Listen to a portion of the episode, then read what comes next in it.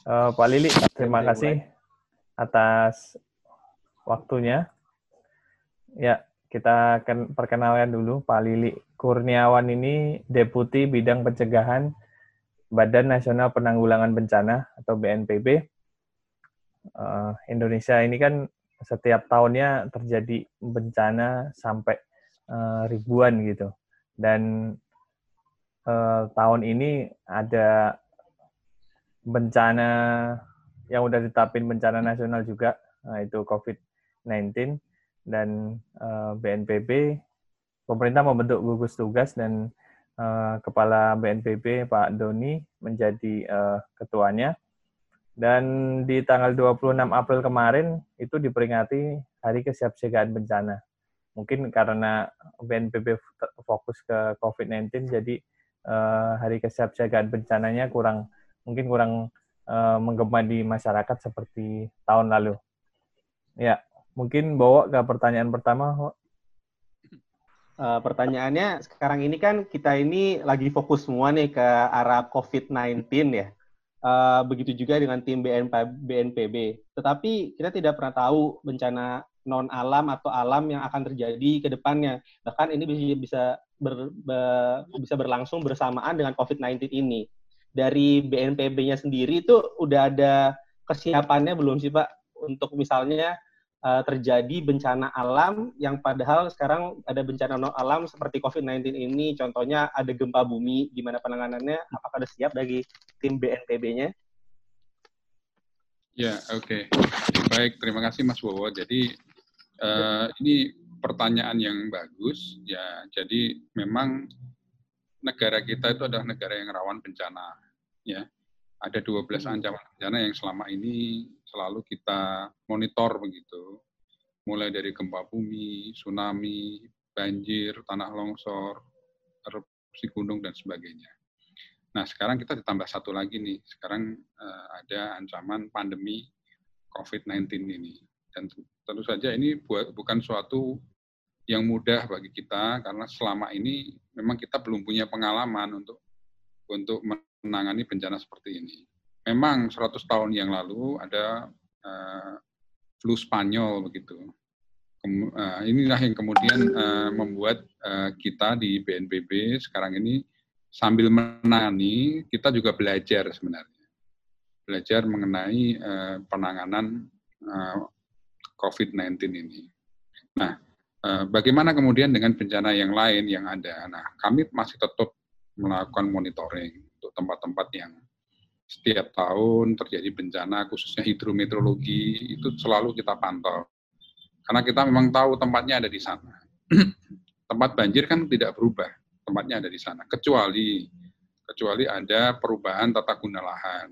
Nah, kemungkinan akan bisa menjadi lebih besar lagi. Tempatnya juga mungkin akan berubah sedikit. Gitu tetapi bencana-bencana yang unpredictable seperti uh, banjir, eh, maaf, gempa bumi, tsunami, itu kan kita nggak tahu nih. Tiba-tiba aja sekarang ada gempa bumi.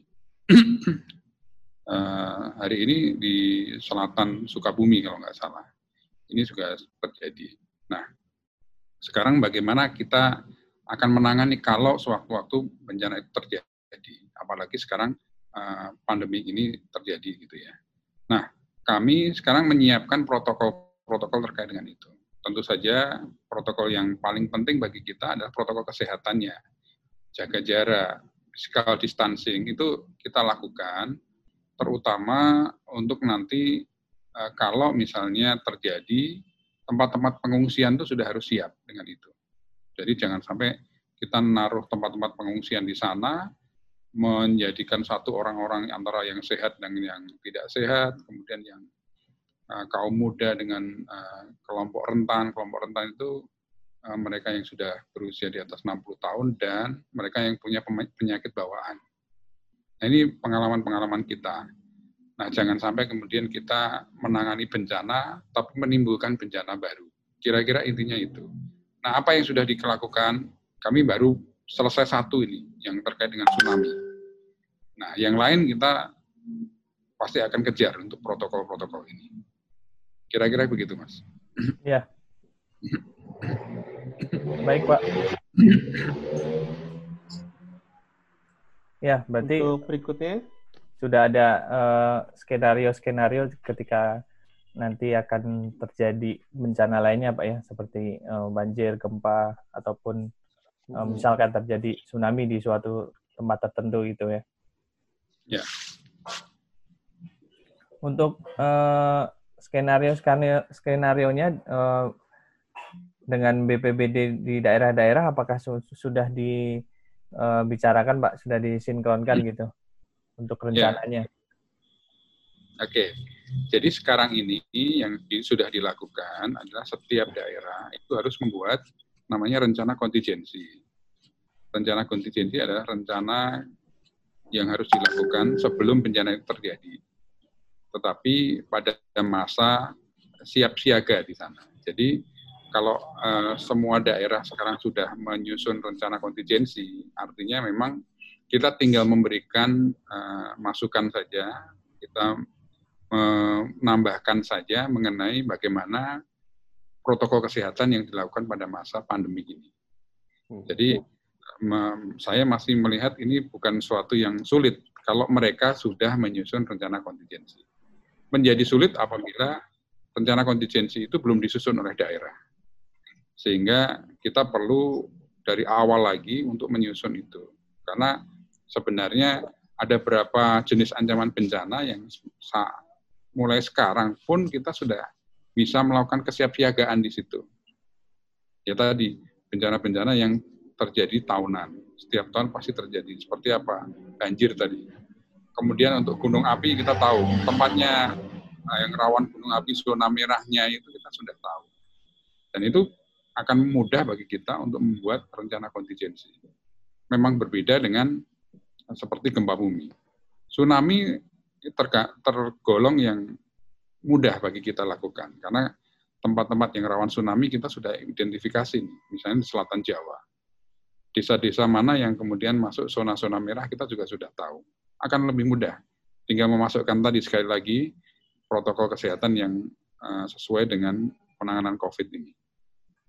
Oke, baik Pak. Jadi eh, sudah ada rencana kontingensinya, BNPB sudah mempunyai peta-peta eh, bencana di daerah-daerah, tinggal menyesuaikan dengan adanya eh, physical distancing ini, Pak ya. Iya. Oke.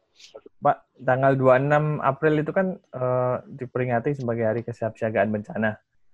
Ya. Ya, Mhm. kemarin itu tanggal 26 ada kegiatan khusus nggak sih Pak dari eh, BNPB untuk eh, memperingati kesiapsiagaan bencana itu? Karena kan kayaknya Oke. beritanya tertutup dengan eh, apa? COVID ini. Iya, Iya. dengan COVID ini, Pak. semua beritanya langsung fokus ke COVID, Pak. Ya, Ya, baik. Pak.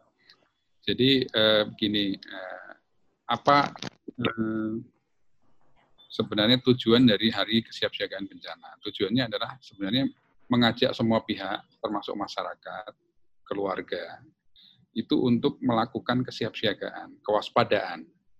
Mereka kita ajak untuk mengenali apa ancaman bencana atau resiko bencana yang ada di sekitar mereka, sekitar rumah mereka, sekitar sekolah mereka, sekitar tempat bekerja mereka, sekitar pasar mereka, tempat ibadah, dan sebagainya.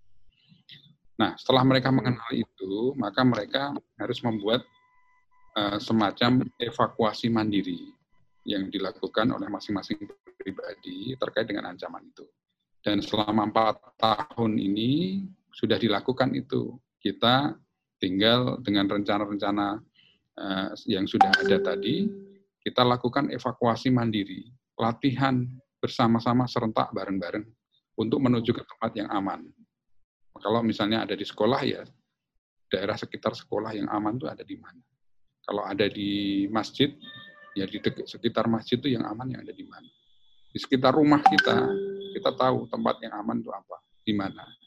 Kalau kita rumahnya ada di daerah yang rawan tsunami misalnya, maka kita akan coba cari tempat yang tinggi yang ada di dekat rumah kita yang akan berbeda dengan orang-orang lain yang ada di ada di situ. Nah, tempat itu kemudian disepakati oleh semua anggota keluarga dan itu kemudian kita ajak mereka untuk pergi ke tempat itu pada tanggal 26 April itu melaporkan pada kami di BNPB. Nah, itu yang selama ini kita lakukan.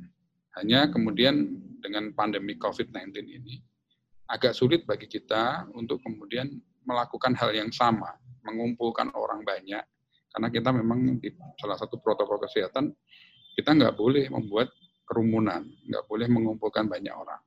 Khawatir nanti ada yang satu positif akan menulari yang lain.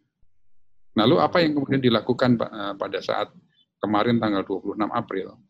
Nah, kami sebenarnya saya sudah membuat uh, dua video gitu ya untuk mengajak uh, teman-teman kami masyarakat untuk melakukan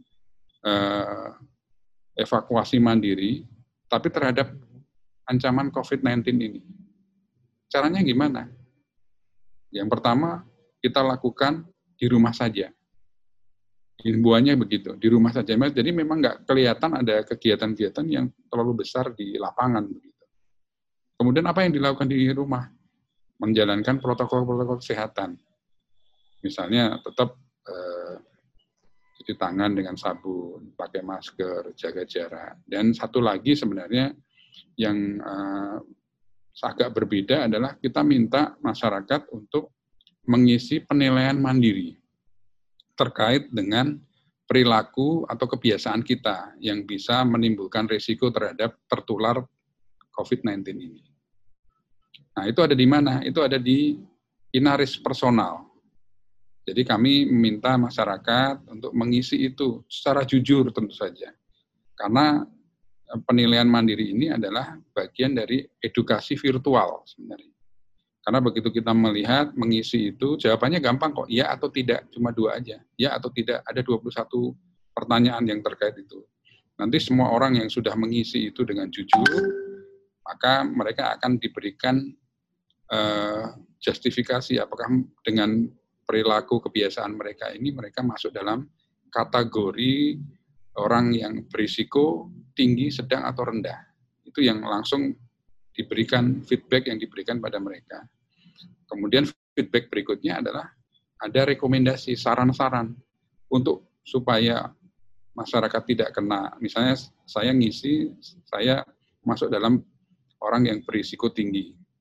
Maka saya mendapatkan saran-saran supaya saya tidak uh, kena penularan COVID-19 ini, saya harus melakukan satu, dua, tiga, empat, lima. Itu adalah edukasinya. Nah, bagi kami di BNPB, orang yang mengisi itu, kita sudah tahu koordinatnya, rumahnya mana, kemudian uh, nomor handphonenya berapa, kita tahu. Bukan untuk apa-apa, tetapi untuk jaga-jaga. Untuk apa? Untuk membuat satu strategi edukasi sosialisasi, dan mitigasinya. Jadi selama ini kalau kita melakukan sosialisasi itu dianggap semuanya sama, generik. Semua orang yang punya pengetahuan, nggak punya pengetahuan dianggap sama. Orang yang ada di Jakarta di, ataupun di daerah pelosok dianggap sama. Jadi pesan-pesannya juga nggak akan masuk ke ke masyarakat begitu. Nah, dengan harapan dengan virtual itu mereka bisa melakukan di rumah, nggak usah keluar rumah, di rumah aja, tapi mereka bisa berkontribusi. Oh, saya seperti apa? Nah, data-data bisa kita gunakan untuk strategi tadi. Jadi terkait dengan orang-orang yang uh, resikonya tinggi dengan penularan COVID ini, kita juga punya strategi untuk edukasi dan mitigasi bagi mereka. Itu tujuannya. Oke, jadi penilaian mandiri tadi bukan hanya untuk personal. Tadi yang saya ceritakan adalah personal. Tapi di situ ada dua lagi penilaian yang terkait dengan penilaian mandiri. Yang kedua adalah penilaian terkait dengan keluarga. Misalnya, apakah keluarganya sudah ngerti mengenai COVID itu apa atau tidak? Apakah keluarganya sudah punya kebiasaan untuk menghindari COVID ini? Misalnya, uh, tidak berkumpul dengan tetangga dulu sementara waktu, tidak ke masjid dulu, tidak ke gereja, tidak bersekolah dulu anak-anaknya tidak main di luar dulu. Adakah hand sanitizer di rumah itu dan sebagainya. Ini menjadi pertanyaan-pertanyaan yang ada. Intinya apa? Intinya keluarga itu juga kita nilai apakah keluarga itu berisiko tinggi, sedang atau rendah juga. Termasuk kebiasaan-kebiasaan dalam keluarga misalnya. Sewaktu-waktu harus pergi keluar rumah untuk ke kepentingan yang sangat mendesak. Kemudian kembali lagi ke rumah. Apakah mereka langsung berkumpul dengan keluarga, langsung tidur, langsung ma langsung nonton TV, langsung makan, tanpa mandi, tanpa ganti baju. Gitu.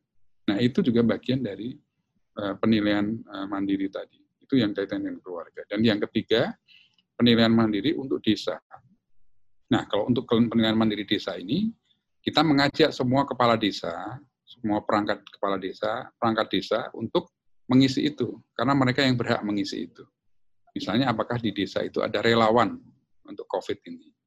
Apakah di desa itu ada aturan-aturan mengenai eh, protokol kesehatan? Apakah di desa itu ada informasi kepada semua masyarakatnya terkait dengan COVID ini? Apakah di desa itu ada tempat isolasi mandiri misalnya? Kalau ada uh, saudaranya mereka yang datang dari luar desa, misalnya dari Jakarta pulang dari pulang kampung misalnya, bukan bukan mudik ya, pulang kampung misalnya. Nah ini apakah kemudian mereka ditempatkan di tempat itu dulu atau langsung boleh keluar ke bergabung ke rumahnya. Nah ini ini adalah hal-hal yang kemudian kita tanya. Maksudnya apa? Maksudnya untuk melihat kesiapsiagaan desa itu. Karena hari ini kalau kita bicara mengenai bencana, peran desa itu sangat penting sekali peran untuk memutus mata rantai persebaran COVID-19 tadi. Itu kira-kira. Jadi kita uh, bekerja dalam hari kesiapsiagaan bencana itu silent, karena memang harus di rumah saja dan hanya dengan uh, komputer atau gadget begitu. Bukan suatu yang kemudian kita harus berkumpul, harus pakai uh, apa spanduk-spanduk uh, spanduk ya, okay uh, seremonial. Ya. Protokolnya aja ya Pak. Iya, iya. Itu ya, yang membedakan. Ya. Jadi itu tadi bisa uh, dilakukan penilaian mandiri itu juga dan masyarakat mengisi itu di Inaris Pak ya? Iya, betul. Oke, okay. iya. Buat yang belum tahu, BNPB itu meluncurkan aplikasi udah beberapa tahun yang lalu namanya uh, Inaris dan di situ hmm. bisa lihat juga posisi kita itu di daerah yang rawan bencana apa gitu. Betul sekali. Betul Mas sekali. Bowo, silakan tanya selanjutnya. Oke nih Pak, uh, dalam memperingati Hari Kesiapsiagaan Bencana ini, uh, kita tahu di luar sana itu banyaknya adalah generasi milenial, mau yang junior atau senior, bahkan sampai sekarang aja tuh mereka masih belum bisa uh, di rumah aja dan bekerja masih dari luar. Ada pesan-pesannya untuk mereka Pak, apa yang harus mereka lakukan atau pesannya untuk lebih siap siaga uh, terjadi bencana? yang mau non alam atau alam, Pak? Makasih, Pak. Ya, yang Pak. kedua, saya ada dua pesan, Mas, terkait dengan generasi milenial. Jadi milenial ini adalah uh, sumber daya yang luar biasa sebenarnya bagi kita. Apabila kemudian kita bisa mengajak mereka, merangkul mereka menjadi bagian dari strategi edukasi dan sosialisasi kita terkait dengan COVID-19 ini. Kami juga sudah kedatangan sebenarnya di kantor kami ini Eh, teman-teman milenial yang membantu kita. Nah, eh, bantuan yang mereka lakukan adalah bagaimana strategi-strategi komunikasi, strategi edukasi dan sosialisasi itu dilakukan dengan cara mereka. Nah, ini kadang-kadang kita berbeda cara nih. Kalau saya mungkin ya sudah generasi yang bukan milenial lagi, jadi caranya masih konvensional begitu. Tapi teman-teman uh, milenial punya cara sendiri untuk mengajak teman-teman saudara-saudaranya. Itu yang yang yang kita lihat. Jadi eh, mengajak merangkul mereka sebagai satu bagian dari eh, tugas tugas yang kami laksanakan sekarang ini ini menjadi eh, hal yang paling penting bagi kami lakukan. Tidak mudah, tetapi kita insya Allah kita bisa lakukan. Kemudian yang kedua, kita minta teman-teman milenial juga Eh, mencoba untuk memposisikan sebagai orang tanpa gejala. Ini penting, mohon maaf, ini penting bagi kita karena eh, kadang-kadang kalau kita tidak merasa sebagai orang tanpa gejala, itu kita merasa kita sebenarnya sehat-sehat aja, bebas-bebas saja ketemu siapa pun begitu. Toh imunitas kita kuat. Anak-anak muda biasanya imunitasnya kuat, sehingga mereka mungkin sudah positif, tapi mereka masih bisa beraktivitas karena imunisasi imun mereka kuat. Nah, inilah yang kemudian membahayakan kalau mereka tidak menyadari bahwa mereka sudah positif. Nah, dengan menyadari mereka ini adalah bagian dari orang tanpa gejala, walaupun sudah kena, walaupun sebenarnya mereka juga nggak nggak kena gitu, tapi memposisikan sebagai orang tanpa gejala itu membuat mereka membuat mereka lebih mengerem, me, apa ya, tidak kemudian langsung tiba-tiba ketemu orang tuanya langsung meluk gitu, enggak. Mereka juga mereka harus tahu kalau uh, saat-saat ini kita mencoba untuk memisahkan antara anak-anak milenial dengan mereka kaum rentan tadi. Kaum rentan itu orang tua yang di atas 60 tadi mungkin ada ibunya, bapaknya, ada kakeknya, neneknya. Nah, orang-orang yang mereka sayangi, kemudian juga saudara mereka yang uh, mempunyai penyakit yang penderita yang mereka bawa, hipertensi, jantung, dan sebagainya. Yang memungkinkan kalau mereka tertular, mereka juga punya kesempatan yang kecil untuk kemudian bisa bertahan hidup. Nah, ini yang kemudian kita ingin sampaikan. Jadi eh, teman-teman yang muda ini saya yakin aktivitasnya sangat banyak, tetapi dengan aktivitas banyak dan imunitas yang kuat tadi memungkinkan mereka untuk bertahan di situ. Tetapi jangan coba-coba untuk mendekat dengan mereka yang eh, kelompok rentan sehingga kita tidak pernah tahu karena sampai sekarang obatnya pun nggak ada di Indonesia, di dunia juga belum ada gitu. Jadi yang kita bisa lakukan adalah imunitas yang tinggi dan perilaku yang baik tadi. Saya kira itu, Mas. Iya, Pak Lili. Uh, untuk pertanyaan berikutnya, mungkin bisa jadi pertanyaan terakhir juga dari kita. Kita semua ini lagi berandai-andai kapan sih pandemi COVID-19 eh, ini bisa berakhir. Bahkan ada yang bilang nanti tanggal 6 Juli, eh, 6 Juni kita udah pulih, terus juga di Amerika sendiri berita-berita katanya udah vaksinnya ketemu. Bagi hmm. dari BNPB sendiri, udah ada data statistik yang bisa uh, menunjang data-data seperti ini nggak Pak? Atau nggak memprediksi senario-senario kapan sih pandemi ini akan berakhir? Kalau saya maunya minggu depan udah selesai, Mas. Karena ya ini ini tidak mudah bagi kita tetapi eh, data-data yang ada itu kami semua serahkan ke tim pakar. Kami punya satu tim pakar dari berbagai perguruan tinggi, dari beberapa pakar, dari beberapa kementerian, lembaga yang eh, tergabung dalam gugus tugas ini. Nah, tentu saja mereka pun juga punya hitung-hitungan. Tetapi begitu banyak hitung-hitungan, banyak prediksi yang ada di Indonesia ini, ya uh, mungkin kita tidak tidak tahu ya karena namanya prediksi prediksi belum tentu benar.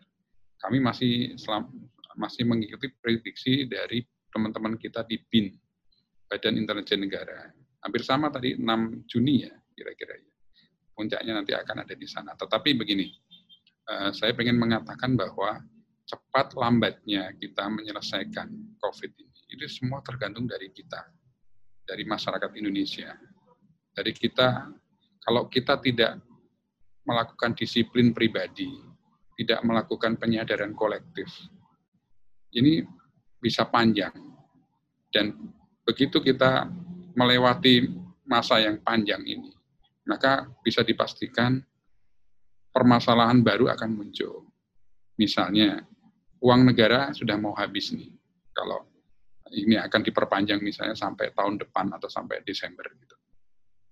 Kemudian masalah-masalah terkait dengan ketahanan pangan kita.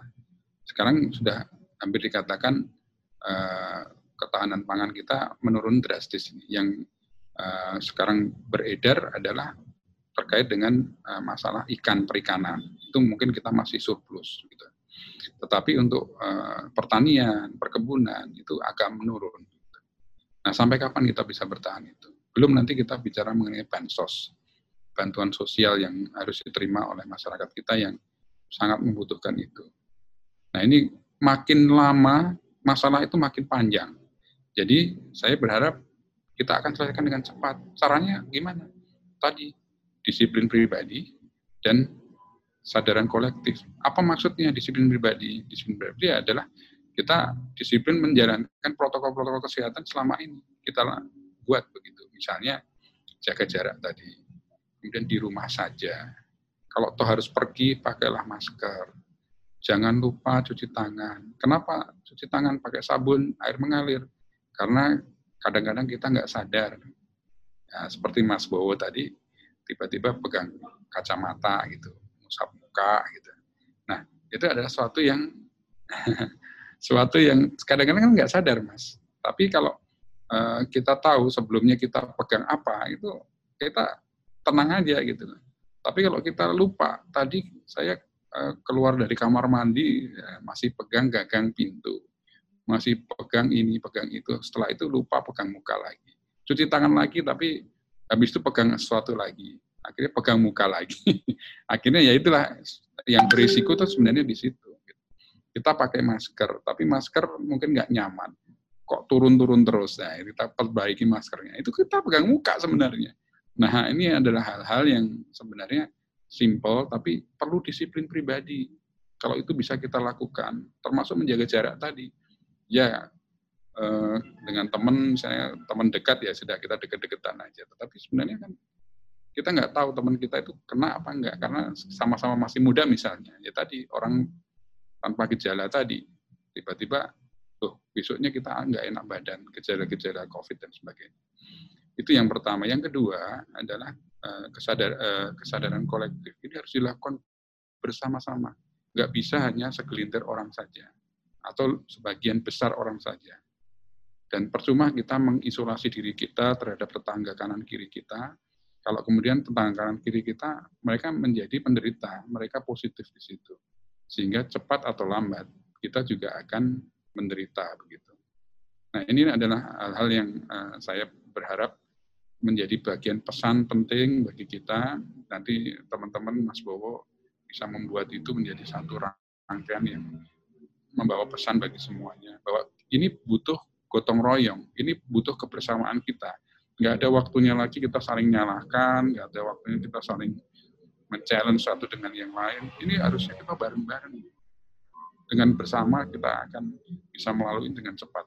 Kalau enggak, akan lama sekali. Dan begitu lama, masalah baru akan muncul. Saya kira itu, Mas. Ya. Baik, uh, Pak. Baik, Pak. Mungkin pertanyaan terakhir nih, Pak. Baru beberapa jam lalu itu kan ada berita uh, Pak Agus Wibowo, BNPB, uh, eh, bahwa mudik ada masyarakat ada beberapa yang boleh mudik dengan uh, ke, apa surat oh, iya. tertentu gitu misalkan uh, ada saudaranya yang meninggal dan lain-lain itu Uh, gimana tanggapannya Pak? Apakah ini emang resmi dari uh, gugus tugas dari apa memperbo COVID ini untuk memperbolehkan atau dari BNPB sendiri? Uh, saya belum belum tahu tentang itu. Oh iya. Saya belum tahu. Oke, okay. oke, okay. baik Pak. Ya intinya uh, okay. diskusi Mungkin. ini Pak untuk uh, mengajak apa uh, masyarakat bahwa kita nggak boleh terlena di tengah pandemi COVID-19 ini kita masih uh, tinggal di da, apa di negara yang sangat rawan sekali terjadi uh, bencana gitu. Jadi supaya masyarakat juga uh, mempersiapkan uh, diri juga ketika terjadi uh, bencana dan masyarakat bisa mengunduh aplikasi Inaris Pak ya untuk mengetahui bahaya apa yang uh, ada di sekitarnya. Mungkin itu ya, Mas Bowo ada tambahan? Tanya? Oke, mungkin memang uh, sebagai yang ngingatin juga, saya sebagai generasi milenial sendiri pengen ngomong kalau kita ini uh, punya perannya masing-masing. Kadang-kadang kayak generasi milenial tuh nggak sadar sebetulnya hal-hal kecil yang mereka lakukan itu berimpact besar juga. Mungkin inilah saatnya mereka untuk pakai maskernya, stay di rumah dan cuci tangan itu jadi hal penting yang bisa merubah kita uh, COVID-19 ini ke depannya. Apakah kita mau berlama-lama di COVID-19 ini terus atau kita mau cepat nyelesain nyelesain ini bersama-sama. Mungkin itu aja sih, Mas. Oke. Okay.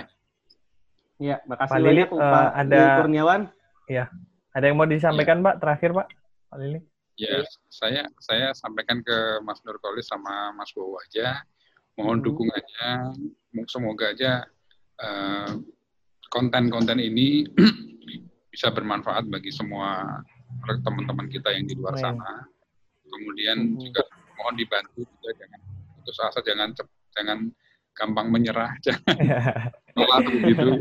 Ya, ini gini ini 80% masyarakat Indonesia itu saya melihat masih sehat lebih dari 80% itu masih sehat Nah, yang sehat jangan sampai sakit. Caranya gimana? Caranya kita harus sering memberitahu mereka, pencegahan, edukasi, sosialisasi, mitigasi. Itu harus kita lakukan. Dan jangan lelah karena itu. Karena ini kalau bahasa Jawanya itu uh, lambinnya harus turah tadi, lambi turah tadi. Harus harus cerewet, harus sering sering ngomong dan jangan bosen-bosen ngomongin gitu. Karena memang ini budaya kita kan begitu. Kalau nggak sering diomongin ya lupa gitu. Nah, ini hanya bisa kita lakukan kalau kita bisa bareng-bareng. Nah, karena supaya bareng-bareng kita harus jangan malu, jangan takut untuk ngasih tahu teman-teman yang lain gitu. Dan melalui eh, konten-konten ini saya berharap betul bisa membantu kami, Mas. Makanya saya bersedia untuk diwawancarai di sini. Saya senang sukses ya. Terima kasih. Ya. Baik Pak Lilik, terima kasih Pak atas waktunya Pak. Uh, tetap semangat Pak dan jaga kesehatan. Oke. Okay. Ya, terima kasih ya. Pak Lili. Ya. Terima kasih. Ya, selamat sore Pak. Selamat sore.